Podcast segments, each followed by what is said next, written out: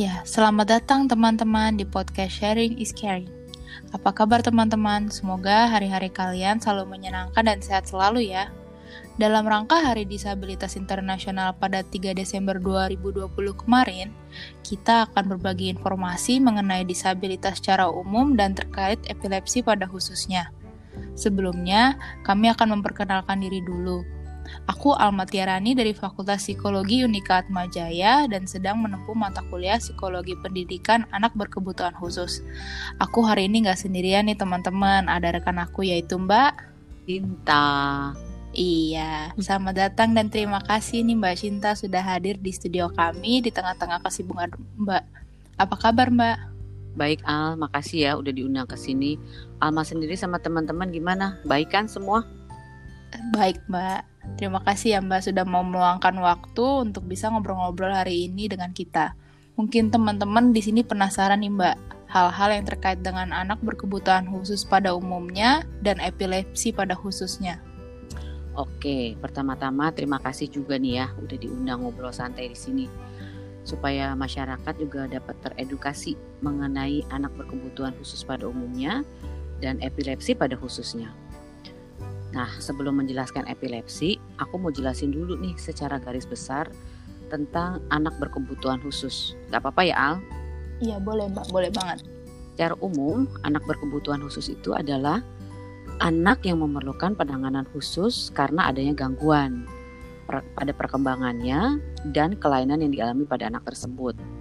Siapa aja sih mereka itu?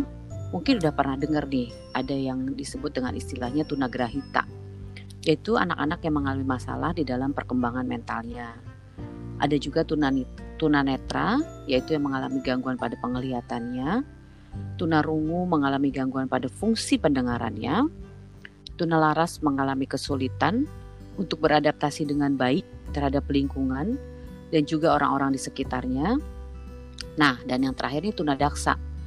Itu mengalami masalah atau kelainan pada alat gerak tubuhnya. Bisa juga disebabkan karena gangguan kesehatan lainnya yang menyebabkan gerakan individu tersebut menjadi terbatas. Misalnya asma.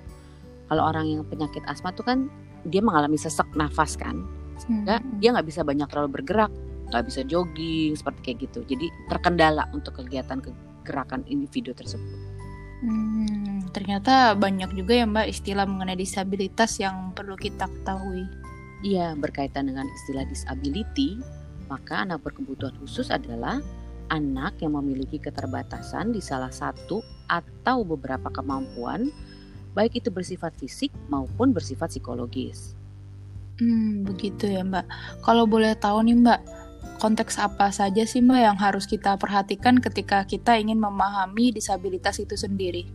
Oke, kalau dilihat secara garis besar ada tiga. Bisa dilihat dari biologis, psikologis, dan uh, sosiokultural. Nah, kalau dari konteks biologis, dikaitkan dengan kelainan genetik dan menjelaskan secara biologis perkembangan anak berkebutuhan khusus, misalnya seperti brain injury kalau untuk konteks psikologi sendiri, misalnya gangguan pada kemampuan belajar, biasanya misalnya pada anak yang slow learner. Terus ada gangguan dan gangguan kemampuan emosional. Sedangkan untuk konteks sosial kultural, yaitu mengenai mengenal anak berkebutuhan khusus sebagai anak dengan kemampuan dan perilaku yang cenderung terbatas dan atipikal, sehingga memerlukan penanganan khusus berhubungan dengan lingkungan nih di mana anak tinggal, apakah lingkungan di sekitar itu menerima keadaan mereka apa tidak. Nah, ini akan mempengaruhi. Nah, kalau epilepsi ini termasuk dalam konteks biologis.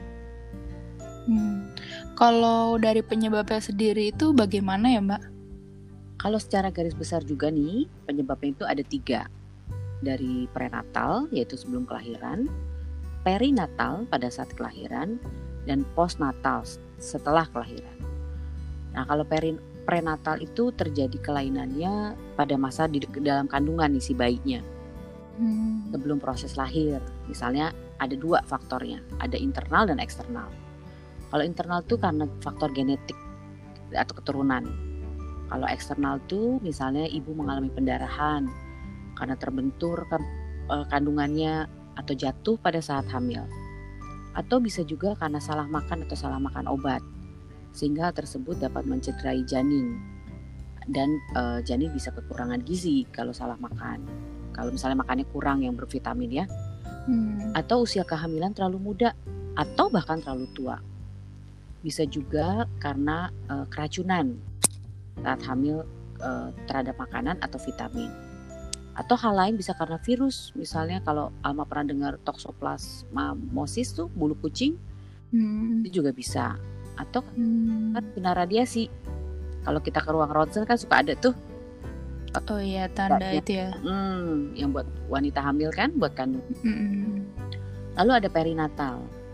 Perinatal ini terjadi kelainan pada saat proses kelahiran dan menjelang serta sesaat setelah proses kelahiran Misalnya kelahirannya sulit, pertolongannya salah, persalinannya nggak spontan gitu. Kadang ditahan gitu.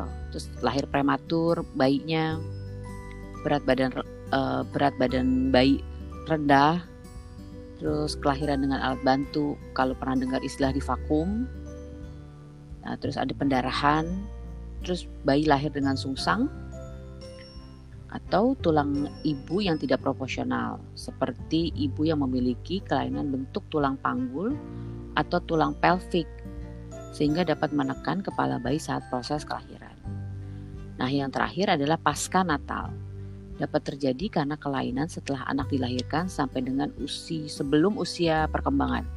Kurang lebih 18 tahun lah. Bisa karena kecelakaan, keracunan, tumor otak, kejang, atau diares masa bayi. Hmm, ternyata risiko-risiko tersebut dapat muncul kapan saja ya Mbak, baik sebelum kelahiran, uh, saat kelahiran sendiri, saat kelahiran itu sendiri dan pasca kelahiran. Uh, sehingga memang kita harus benar-benar menjaga baik anak kita ya Mbak. Kalau kalau boleh tahu nih Mbak, uh, gangguan-gangguan apa saja ya Mbak yang ada pada individu dengan tunadaksa? Oke, secara umum ada tiga gangguan yang dialami oleh tunadaksa. Satu, gangguan persepsi yang dapat menyebabkan individu tersebut sulit untuk mengolah rangsangan visual, auditorium, dan sulit dalam konteks bentuk ruang, warna, dan bunyi. Misalnya, penderita cerebral palsy, individu mengalami gangguan pada fungsi sensoris, Gangguan ini berupa uh, gangguan yang berupa pada penglihatannya, pendengarannya, perabaan, dan kemampuan uh, kesan gerak dan raba atau tactical kinesthetic. Lalu ada lagi gangguan emosi, yaitu adanya rasa rendah diri, pemalu, mudah tersinggung, pemarah, keras kepala, dan acuh tak acuh. Keterbatasan dialami oleh anak cenderung membuat anak merasa bingung, bahkan mungkin dia tidak tahu harus melakukan apa. Hal tersebut dapat terjadi apabila anak tidak mendapat bimbingan dan tidak diberikan pemahaman akan kondisi oleh orang sekitarnya. Lalu yang terakhir adalah gangguan bahasa dan bicara. Disebabkan karena anak tunadaksa tidak mendapatkan pengalaman untuk mendapatkan konsep bahasa yang menyebabkan timbulnya keterlambatan perkembangan bicara, misalnya pada penyandang uh, cerebral palsy. Hmm. Kalau sebelumnya mungkin kita udah bicara mengenai uh, aspek saja yang bisa uh, terganggu ya Mbak pada anak tunadaksa. Kalau boleh tahu nih Mbak secara umum uh, penyebab dari tunadaksa sendiri itu apa ya Mbak? Secara umum tuh gangguan tunadaksa dapat dilihat berdasarkan letak kerusakannya. Ada lima nih ada kerusakan di kulit otak yaitu korteks otak yang berfungsi untuk uh, korteks ini berfungsi berhubungan dengan fungsi pergerakan otot, perasaan dan pikiran. Lalu uh, ada lagi kerusakan pada ganglia basalis yang terletak di tengah-tengah otak bersama dengan otak kecil. Nah, kerusakan ganglia basalis ini dapat menyebabkan gerakan yang kaku dan putus-putus dan sering terdapat gerakan di luar kemampuan tubuh. Jadi nggak bisa dikontrol gerakannya. Lalu kerusakan pada otak kecil atau cerebellum yang berfungsi sebagai koordinator gerakan, posisi, dan keseimbangan tubuh. Kerusakan pada otak kecil ini menyebabkan keadaan yang disebut ataksia. Keadaan ini ditandai oleh cara jalan yang nggak seimbang, kayak sempoyongan, atau mungkin juga uh, kadang jatuh ke kiri atau ke kanan, dan sukar mengendalikan keseimbangan.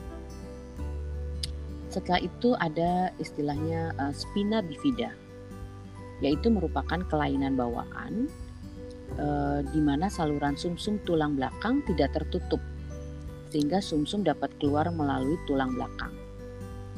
Dan terakhir adalah konvulsif atau kejang-kejang atau orang umum menyebutnya epilepsi yaitu kondisi di mana terjadi perubahan fungsi otak yang secara tiba-tiba dan spontan. Nah, hmm. Ini cenderung terjadi berulang-ulang, disertai dengan kehilangan kesadaran. Hmm, iya. Nah, seperti yang dijelaskan sebelumnya nih teman-teman, kita hari ini akan membahas mengenai epilepsi atau mungkin teman-teman mengenalnya dengan kejang, seperti yang tadi sudah disebutkan oleh Mbak Shinta. Perlu diketahui bahwa kejang mencerminkan aktivitas otak yang tidak normal, tidak mengherankan bahwa kejang lebih sering terjadi pada anak-anak dengan gangguan perkembangan, misalnya disabilitas intelektual dan cerebral palsy, dibandingkan anak-anak tanpa disabilitas. Individu umumnya mengalami kejang ketika pelepasan energi listrik yang tidak normal terjadi pada sel-sel otak tertentu. Pelepasan menyebar ke sel-sel di dekatnya dan efeknya mungkin akan menyebabkan individu tersebut kehilangan kesadaran, gerakan tak sadar, atau fenomena sensorik yang abnormal. Masih banyak loh, Al. Hmm, apa tuh, Mbak? Anggap kalau epilepsi itu lebih disebabkan atau dipengaruhi oleh kekuatan supranatural. Hmm. Nah, kalau menurut WHO, World Health Organization, epilepsi itu merupakan gangguan kronik otak yang menunjukkan gejala-gejala berupa serangan-serangan yang berulang-ulang yang terjadi akibat adanya ketidaknormalan kerja sementara sebagian atau seluruh jaringan otak karena cetusan listrik pada neuron atau sel saraf yang peka rangsang yang berle secara berlebihan yang dapat menimbulkan kelainan motorik, sensorik, otonom, atau psikis yang timbul secara tiba-tiba dan sesaat disebabkan lepasnya muatan listrik abnormal sel-sel otak. Nah, kalau berdasarkan the International Classification of Epileptic Seizures ini oleh Gastal tahun 70 eh, disebutkan disebutkan ada tiga nih kategori epilepsi. Satu ada namanya eh, istilahnya partial seizure. Yang termasuk dalam kategori ini adalah psikomotor seizure. Tidak ada tingkah laku spesifik yang menandai jenis epilepsi ini anak yang mengalami psikomotor seizure ini bisa tiba-tiba trench atau hanya duduk e, diem gitu tanpa bergerak. Mulutnya komat kamit atau menunjukkan temper tantrum atau marah yang menyebabkan emosi individu tersebut meluap. Biasanya diekspresikan dengan menangis kencang, berteriak, bahkan melempar barang. Lalu ada lagi generalized eh, seizure Nah, yang termasuk dalam kategori ini adalah tonic clonic seizure, di mana biasanya jenis ini menarik perhatian umum karena tingkah laku penderitanya misalnya jatuh secara tiba-tiba atau mengeluarkan suara. Dan yang terakhir, uh, unilateral seizure ditandai dengan kejang klonik atau kontraksi otak, uh, tonik yaitu tubuh kaku atau tonik klonik dengan atau tanpa gangguan kesadaran diekspresikan hanya atau sebagian besar di satu sisi. Hmm, wah terima kasih banyak nih Mbak atas informasinya. Nah, sebelumnya kita sudah mengetahui mengenai gangguan dan penyebab dari epilepsi nih teman-teman. Mungkin teman-teman ingin tahu nih Mbak mengenai fase atau keadaan ketika seseorang mengalami kejang atau epilepsi. Mungkin boleh tolong dijelaskan Mbak? Boleh banget. Nah, kejang-kejang itu biasanya terjadi karena gangguan fungsi otak seperti cerebral palsy atau juga dapat terjadi karena penyakit dan kondisi-kondisi tertentu, misalnya anoreksia, pendarahan otak, infeksi akut, meningitis, encefalitis, atau panas tinggi. Keadaan kejang-kejang yang dapat melalui fase-fase sebagai berikut nih. Nah, informasi ini nih uh, supaya lebih apa uh, akurat ya saya ambil tuh dari pengarangnya namanya Dini Ratri Desiningrum uh, buku ini terkait tentang psikologi anak berkebutuhan khusus kalau mau cari silahkan jadi uh, mula-mula mula-mula tuh anak sadar akan mendapatkan serangan dengan adanya tanda-tanda merasa mencium sesuatu yang enak. Lalu yang kedua, mukanya tiba-tiba pucat, pupil mata melebar, otot-otot berkontraksi atau kejang, anak kehilangan kesadaran atau pingsan dan jatuh. Kadang-kadang kehilangan kontrol akan BAB dan BAK. Ya keadaan ini berlaku kurang lebih 30-40 detik deh. Fase ini disebut fase tonik atau stiff. Lalu setelah itu ada fase kronik. Terjadi kurang lebih 2-5 menit. Anak menjadi kaku, terutama pada kaki dan tangan. Nah, apabila kejang berakhir, anak menjadi sadar, lalu merasa pusing. Terus uh, capek kan, begitu tidur. Tidurnya lelap. Nah, keadaan ini berlangsung bisa beberapa menit sampai ber, sampai jam. Kadang-kadang serangan hanya ringan aja di mana anak nampak seperti melamun, kehilangan kesadaran sebentar dan tidak sampai pingsan. Nah, gejala-gejala ini tuh perlu diketahui oleh masyarakat secara umum. Uh, kalau untuk anak di sekolah ya agar diketahui oleh para guru dan teman-teman supaya bisa dapat uh, menolongnya dengan dengan yang pas gitu cara menolongnya bisa dapat diketahui lebih lebih lanjut gitu. Kalau boleh tahu nih Mbak, Kira-kira hambatan atau masalah seperti apa sih Mbak yang mungkin dapat dihadapi oleh penyandang epilepsi dalam kehidupan sehari-hari? Oke, bagus nih pertanyaannya. Penderita epilepsi ini juga memiliki hambatan dalam kehidupannya. Uh, misalnya nih, kalau berhubungan dengan tingkat IQ, sebagian penderita epilepsi memiliki tingkat IQ yang uh, berada di bawah rata-rata karena kurangnya kemampuan daya ingat memori atau adanya gangguan pemusatan perhatian atau atensi.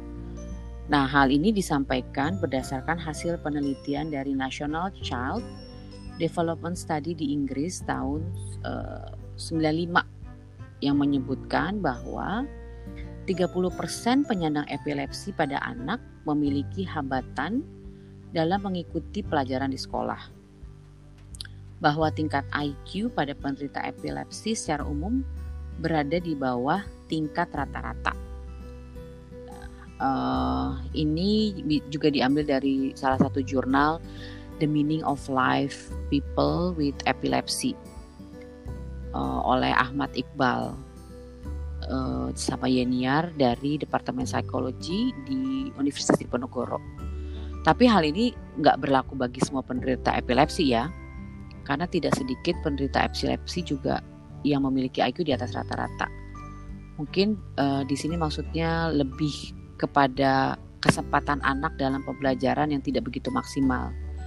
Bisa aja kan anak sedang kambuh epilepsinya sehingga tidak dapat mengikuti pelajaran dengan sepenuhnya karena harus menjalani perawatan. Ada lagi hubungan interpersonal. Karena kejang-kejang ini maka dapat menimbulkan kepercayaan pada penyandang epilepsi menjadi turun dalam lingkungan sosial. Sehingga dalam menjalin hubungan interpersonal dengan orang lain agak terganggu. Resiko lain juga mereka uh, jadi membatasi kemampuannya untuk melakukan kegiatan sehari-hari nih. Misalnya seperti menyetir kendaraan. Karena kan bahaya ya kalau tiba-tiba nyetir terus dapat serangan. Bahaya bagi dirinya maupun uh, penumpang yang ada di dalam kendaraan tersebut Lalu ada lagi perubahan emosi yang kompleks yang dapat merubah perilaku dan kepribadian. Karena menjadi sulit mengendalikan emosi, mudah tersinggung, kehilangan kepekaan terhadap lingkungan, menjadi egosentris atau menarik diri dari lingkungan. Keadaan ini mungkin saja disebabkan karena anak tidak tahu harus bagaimana menghadapi situasinya dan menerima kondisi yang ada. Oleh karena itu, anak tetap butuh bimbingan dari orang di sekitarnya. Lalu hal lain adalah hal pekerjaan dan keuangan. Karena serangan dapat terjadi kapan aja, kadang perusahaan kan e, agak mempertimbangkan nih kalau mempekerjakan penderita epilepsi. Karena akan berdampak pada roda keuangan perusahaan hmm. kan. Nah, karena itu makanya sulit untuk mendapatkan pekerjaan. Kalau dalam hal medis karena belum banyaknya tenaga ahli yang memiliki kemampuan yang sesuai sehingga sulit bagi penyandang untuk menemukan tenaga ahli yang sesuai. Uh, lalu ketersediaan obat-obatan juga digunakan untuk menunda atau mengurangi datangnya serangan. Juga nih obat-obat ini gak murah sehingga uh, menyulitkan penyandang epilepsi yang kurang mampu. Hmm, ya sebenarnya bagaimana sih Mbak uh, bentuk dukungan yang mungkin bisa kita berikan bagi para penyandang epilepsi ini? Oke, kalau dukungan tuh uh, ada empat tipe dukungan sosial ya buat mereka. Yang satu dukungan emosional, misalnya seperti ungkapan empati, kepedulian dan perhatian dari orang sekitar tuh seperti orang tua, saudara, teman, tetangga, guru, eh, teman-teman di sekolah. Seperti mungkin mereka akan merasa rendah diri seperti yang telah disebut, disebutkan di atas ya. Nah, uh, kita bisa kasih misalnya penguatan uh, tidak perlu merasa rendah diri gitu karena kejang ini kan bukan sesuatu yang uh, mereka inginkan. Bukan kemauannya tetapi karena sesuatu yang tidak bisa dikontrol. Jadi tidak perlu merasa malu gitu. Jadi kita berikan penguatan atau uh, apa? hatinya dibesarkan lalu dukungan penghargaan seperti prestasi. Uh, jika mereka memiliki bakat tertentu di satu bidang, tetap dukung mereka untuk tetap berprestasi dan meraih apa yang diinginkan. Dukungan instrumen atau dukungan yang dapat uh, dapat diberikan dalam bentuk materi, misalnya biaya untuk pengobatan, itu juga salah satu bentuk dukungan. Dan yang terakhir adalah dukungan informatif berupa kejelasan yang jelas terhadap diagnosa uh, apa yang dia alaminya dan penanganan yang cepat sehingga dapat lebih siap untuk menerima dirinya dan mampu menjalani kehidupannya secara optimal gitu. Atau dikasih informasi terkait di mana harus berobat, di mana harus beli obatnya kayak gitu. Jadi sifatnya informasi. Hmm, ya. Nah, meninjau bahwa epilepsi dapat kapan saja dan di mana saja nih, Mbak. Mungkin Mbak terkadang kita uh, secara tidak sengaja menemukan seseorang yang uh, sedang mengalami serangan epilepsi di tempat umum. Sebenarnya ada nggak sih Mbak uh, tips atau cara bagaimana kita harus bersikap jika menghadapi situasi seperti tersebut? Oh ada banget. Makanya nih aku makasih banget diundang ke sini soalnya bisa justru ini yang kita mau sharing. Uh, dan ini pertanyaan bagus jadi ada beberapa tips nih bagaimana cara menolong seseorang yang sedang mengalami kejang atau epilepsi ya. Nah tips ini diambil dari uh, apa buku Exceptional Learner oleh uh, Halahan dan Kaufman serta Pullen tahun 2014. Jadi ada beberapa nih. Pertama, kita harus tenang dulu nih dan pastikan orang yang di sekeliling tersebut kita juga harus melakukan yang sama. Jadi kalau misalnya ada orang yang uh, terkena serangan tuh kan biasanya misalnya di tempat umum banyak orang tuh. Nah, kita juga harus tenang dan orang-orang di sekitarnya juga harus tenang. Jangan menahan orang tersebut atau mencoba menggerakkan uh, menghentikan gerakannya. Jadi kita jangan kalau orang itu sedang serangan, jangan dipaksa dia untuk berhenti. Uh, kadang suka ditahan, ditahan sama orang-orang sekitar. Nah, itu jangan, biarin aja. Terus dihitung waktu kejangnya berapa lama. Kita bisa pakai handphone kita kita hitung aja berapa lama. Terus jauhkan uh, dari benda keras atau benda tajam di sekitarnya. Terus kendurkan ikatan atau apa pun di sekitar leher yang mungkin membuatnya sulit bernapas. Letakkan sesuatu yang datar dan lembut, misalnya jaket di bawah kepala atau kalau ada tas atau ada uh, anduk lah atau apa, pokoknya sesuatu yang lembut letakkan di bawah kepalanya. Lalu yang berikutnya balikan tubuhnya dengan lembut ke satu sisi untuk membantu menjaga jalannya jalan pernapasan. Jangan mencoba memaksa mulut terbuka dengan benda keras dengan jari dengan jari. Uh, nggak kadang pernah dengar nggak tuh kalau ada orang bilang kalau ngaramin kejang oh, lidahnya iya. bisa ketelen. Nah itu nggak benar mm. kali. uh, upaya menahan lidah bisa melukai gigi dan rahang. Lalu jangan mencoba memberikan pernafasan buatan, kecuali jika orang tersebut sudah mulai tidak bernapas lagi setelah kejang berhenti dan jika memang sudah pernah mendapatkan uh, pelatihan atau memberikan nafas buatan. Jadi nggak bisa sembarangan juga orang yang memberikan uh, nafas buatan ya. Terus temani orang tersebut sampai kejangnya berakhir. Jadi jangan ditinggal sendirian. Bersikap ramah pada saat ke, uh, kesadarannya telah uh, apa datang lagi. Lalu uh, kalau dia tampak bingung, ajak bicara dengan baik-baik. Lalu tanya uh, bisa pulang sendiri apa enggak atau ada perlu ada orang yang bisa dihubungin apa enggak tawarkan uh, bantuan untuk panggil teman atau menelepon keluarganya atau orang terdekatnya supaya orang tersebut dapat pulang dengan selamat. Wah gitu, ini informasi yang penting banget nih ya teman-teman. Jadi mungkin teman-teman bisa tuh mencatat informasi yang tadi sudah diberikan oleh Mbak Shinta. Karena kita nggak pernah tahu kapan kita akan bertemu seseorang yang sedang mengalami serangan epilepsi. Kemudian perlu juga perlu juga diketahui nih Mbak dan teman-teman, saat ini tidak sedikit organisasi atau komunitas bagi penyandang epilepsi. Misalnya ada Yayasan Epilepsi Indonesia, ada juga Perpay atau Perhimpunan Penanggulangan Epilepsi Indonesia dan Sinergi Pelayanan Masyarakat Sinergi Foundation. Uh, mereka itu membentuk komunitas yang diperuntukkan bagi orang tua penyandang epilepsi dan juga anaknya. Nah, melalui komunitas ini eh, individu maupun orang tua ataupun keluarganya bisa berbagi informasi nih Mbak dan bisa berinteraksi satu sama lain.